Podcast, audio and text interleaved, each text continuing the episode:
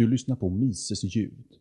Idag avhandlas artikeln Börn Bavarks kritik av exploateringsteorin. Författare Robert Murphy. Svensk översättning av Joakim Kempe. Publicerades på mises.se 30 maj 2016. Inläsare Magnus hälsar dig välkommen.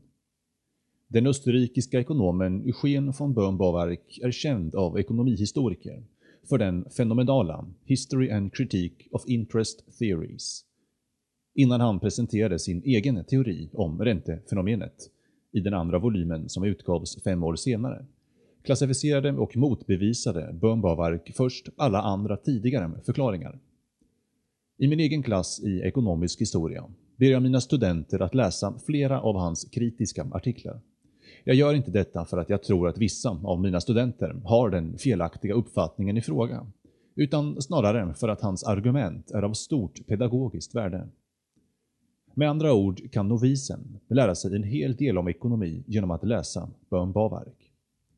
I tidigare artiklar har jag hanterat det som Bön Baverk kallade den naiva produktivitetsteorin och även abstinensteorin.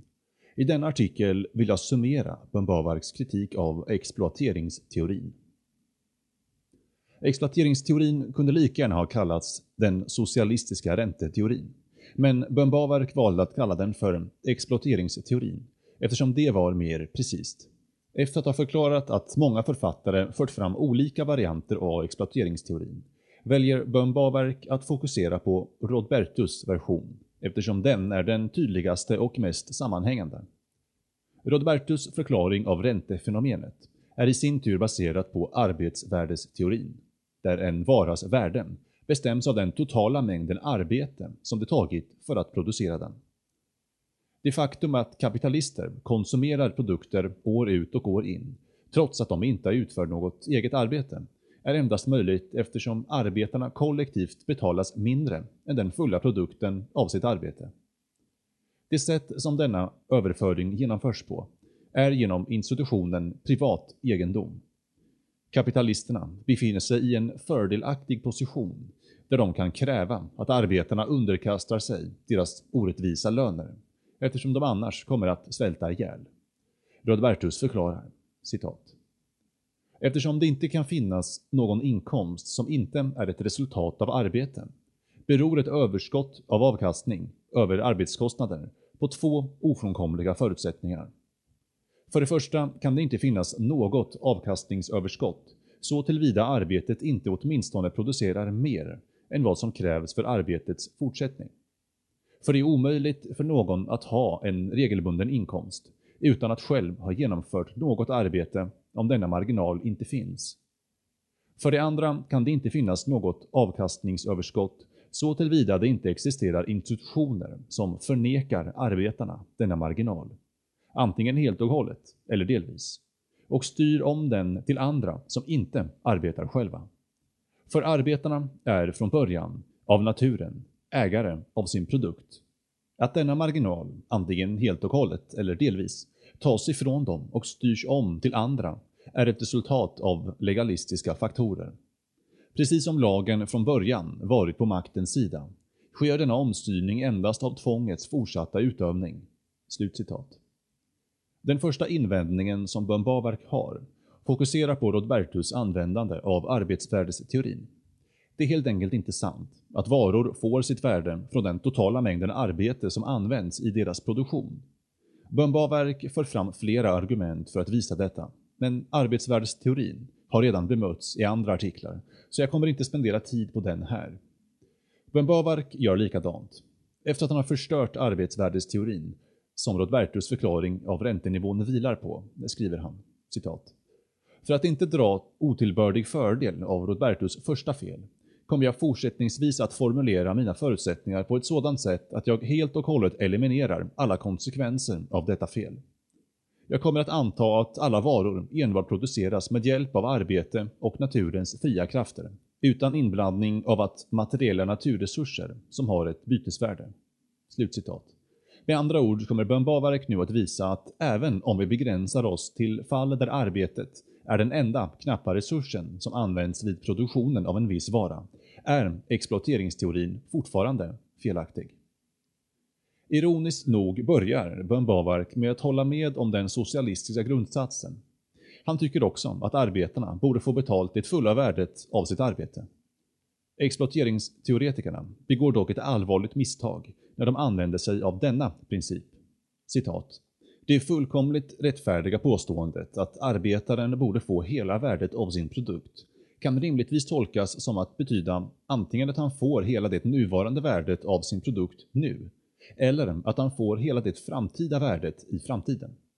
Men Rodbertus och socialisterna tolkar det som att betyda att arbetaren bör få hela det framtida värdet av sin produkt nu. Slutcitat. När vi väl inser att nuvarande varor är mer värdefulla än framtida varor, det vill säga att folk hellre skulle vilja ha 1000 kronor eller en pizza nu, än 1000 kronor eller en pizza om 50 år, gör denna tvetydlighet i exploateringsdoktrinen den helt och hållet falsk.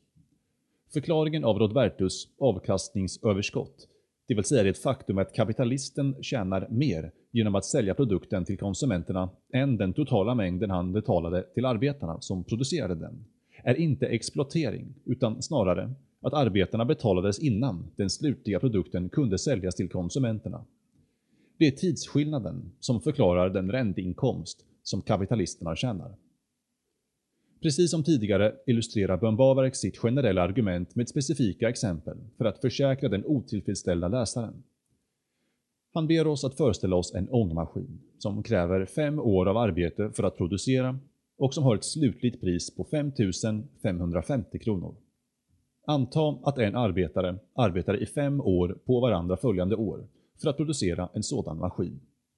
Hur mycket ska betalas till arbetaren? Det uppenbara svaret är 5550 kronor, det vill säga det fulla värdet av hans produkt. Notera dock att arbetaren endast kan betalas detta fulla värde om han är villig att vänta de fulla fem åren. Om vi nu tar en mer realistisk situation där arbetaren betalas varje år, vad händer då? Särskilt om arbetaren endast arbetar i ett år och sedan förväntar sig få betalt. Hur mycket ska han få betalt? Björn Bavark svarar, citat. Arbetaren kommer att få rättvist betalt om han får allt han har arbetat för att producera fram till denna tidpunkt. Om han fram tills nu har producerat en hög av ofärdigt malm, då kommer han bli rättvist behandlad om han får det fulla bytesvärdet som denna hög av material har, och såklart som den har nu.” Slutcitat. Men vi måste ta frågan längre. Vad är det exakta penningvärdet av denna hög ofärdig malm? En ytlig analys må leda dig att tro att eftersom arbetaren, än så länge, producerat en femtedel av det arbete som krävs för att skapa ångmaskinen, borde han få betalt en femtedel av ångmaskinens bytesvärden, det vill säga 1100 kronor. Detta är fel, säger Björn Citat. 1100 kronor är en femtedel av priset av den färdigställda, nutida ångmaskinen. Men det som arbeten producerat fram tills detta tillfälle är inte en femtedel av en maskin som redan är färdigställd, utan enbart en femtedel av en maskin som inte kommer att färdigställas på fyra år. Detta är två olika saker. Om inte olika på grund av något sofistiskt verbalt hårklyveri, utan det är faktiskt olika saker i sig. Den tidigare femtedelen har ett värde som skiljer sig åt från den senare med femtedelen. Precis på samma sätt som en fullvärdig nutida maskin i nuet värderas annorlunda än en maskin som inte kommer att vara tillgänglig förrän om fyra år.” Slutcitat. Eftersom nutida varor är mer värdefulla än framtida varor följer det av nödvändigheten att en femtedel av en maskin som kommer att levereras om fyra år är mindre värd än en femtedel av en nutida ångmaskin. Därför är det inte möjligt att betala arbeten 1100 kronor för hans första arbetsår, om han insisterar på att betalas i förskott snarare än att vänta tills maskinen är färdigställd och såld. Om vi antar en årlig ränta på 5% kommer arbetaren att betalas dryga 1000 kronor för sitt första arbetsår. Bönbavark erbjuder ytterligare ett argument för att övertyga skeptikern. Om det råder något tvivel om att arbetaren i ovanstående exempel behandlas rättvist, då han betalas det diskonterade värdet av sin marginalprodukt, det vill säga 1000 kronor, snarare än det eventuella nutida värdet av sin marginalprodukt, påpekar Böhm-Baverk att arbetaren är fri att låna ut sin lön till den rådande marknadsräntan på 5%. Efter fyra år kommer arbetaren att ha 1200 kronor, om vi bortser från ränta på räntan. Och det finns således ingen grund för att hävda att det institutionella ramverket på något sätt tvingar arbetaren att erhålla mindre än hans bidrags fulla värde. Om arbetaren är villig att vänta tills dess och hans arbetes produkt faktiskt förvandlats till en säljbar produkt, då kommer han få det fulla värdet som till och med den socialistiska analysen kräver. Men om arbetaren inte är villig att vänta och kräver ett förskott i form av nutida varor i utbyte mot sitt arbete, som ju inte kommer att producera en konsumerbar vara förrän i framtiden, då måste han vara villig att betala de nutida varornas marknadspremie. Böhm-Bawerks motbevis av exploateringsteorin är inte enbart värdefullt som en kritik av en felaktig doktrin, utan även ett lysande exempel på den subjektiva värdesteorin. Även professionella ekonomer skulle sannolikt kunna lära sig något av Böhm-Bawerks analys, för han tar upp många subtila poänger som jag inte har tagit med i denna artikel. Oavsett vad man tycker om Böhm-Bawerks egen ränteteori är det sannoliken värt att lägga tid på att läsa hans History and Critique of Interest Theories.